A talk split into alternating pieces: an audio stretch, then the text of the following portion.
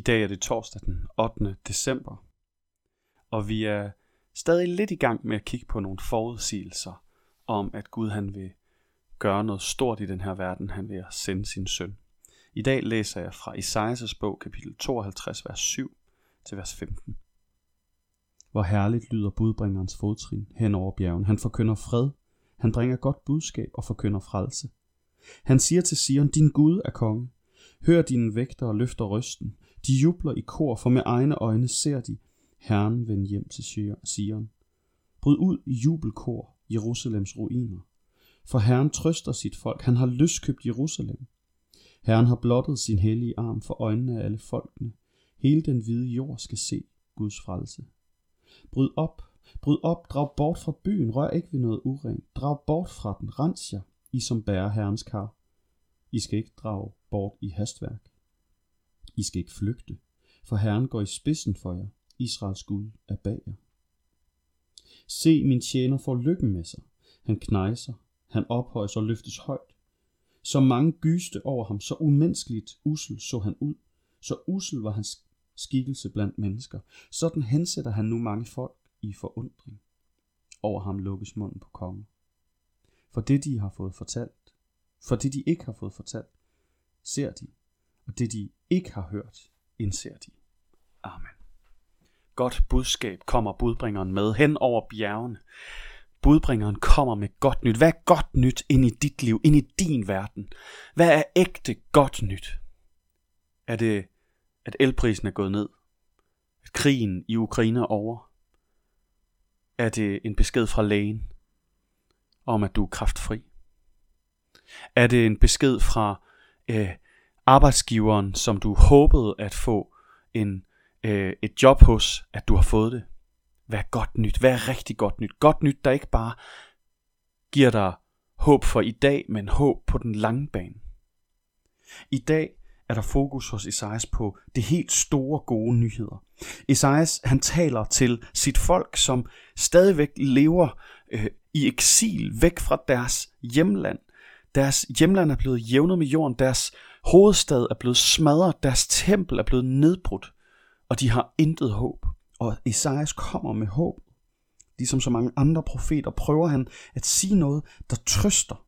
Og han siger, der kommer en tid, der kommer et godt budskab. En dag vil der komme en budbringer og sige, nu kommer der fred. Nu kommer der befrielse. Og befrielsen og freden kommer, fordi din Gud er kommet. Gud er vendt hjem til Sion. Virker det lidt flat? Måske synes du, at det er ikke helt det, du tænkte.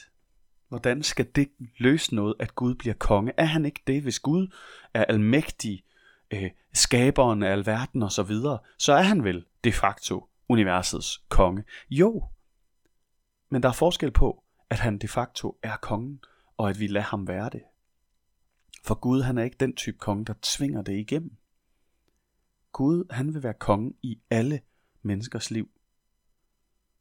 Det vil sige, den der leder, den der sætter retningen, den der får lov at bestemme, hvad der er ret og forkert.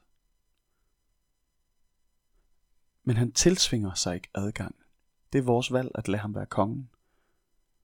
Sådan har han valgt, at det skal være. Og det kan man have mange teorier om, hvorfor han vælger det. Det er lidt mystisk og lidt paradoxalt. Men Gud, han bliver kongen i den her verden. Han tager sit univers tilbage fra den uretmæssige konge, der lige nu leder det. Den, der sidder på tronen i dit liv. Det kan være dig selv. Det kan være en anden religiøs figur. Det kan være dine ambitioner. Det kan være noget helt fjerde. Gud han bliver konge igen. Og når Gud bliver konge, er der nogle kendetegn, som Esajas han sætter fokus på. Han vender hjem til Sion, altså til hovedstaden. For dem, han taler til dengang, er det Jerusalem, drømmen om at få genopbygget sin hovedstad. Og læg mærke til, at han ikke kommer der for at sætte sig på sin trone og se på, at vi genopbygger noget, eller at vi tjener ham. Nej, han kommer og skaber jubelkor ud af ruinerne. Gud, han kommer for aktivt at genopbygge. Han er genopbyggeren. Han kommer for at trøste, for at løskøbe, for at vise sin styrke, for at vise, at han befrier verden. Og derfor bliver Israel opfordret til at gøre klar til at skulle bryde opdrag bort fra Babylon, byen som de bor i nu og har boet i i generationer. Og gøre klar til at tage karne med hjem til deres eget tempel. Og Gud han vil gå i spidsen. De skal ikke flygte, de skal ikke snyde, de skal vente. Gud kommer. Og han kommer gennem sin tjener, siger Esajas. Og her bliver det rigtig mystisk. sin tjener, som han, som han vælger, selvom at mennesker ikke værdiger ham. Han er usel i menneskers øjne, står Han bliver ikke velanset, og alligevel vil han ende med at hensætte mennesker i forundring og beundring. De magtfulde vil få lukket munden, for det de ikke forstod, det forstår de nu.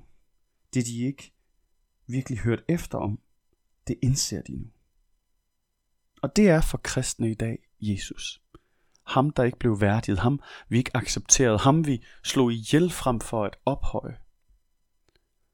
Det er ham, der er Gud som konge, der kommer for at bringe fred, for at genopbygge, for at løskøbe, for at befri.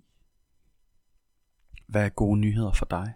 Måske skal du i dag lægge dine længsler og behov frem, og på samme måde som Israel have håb. Lyt til Esajas og have håb. Håb om, at Gud også vil komme som konge og gøre en forskel i din situation. Lad os bede. Gud, tak fordi, at du ikke efterlader os håbløse, men du giver os et herligt godt budskab om, at du vil være konge, og det gør hele forskellen. Gud, hjælp os til at åbne vores hjerter, åbne os selv og have tillid til, at når du får herredømmet i vores liv, at så sker der gode ting. Amen. Giv han en rigtig dejlig dag.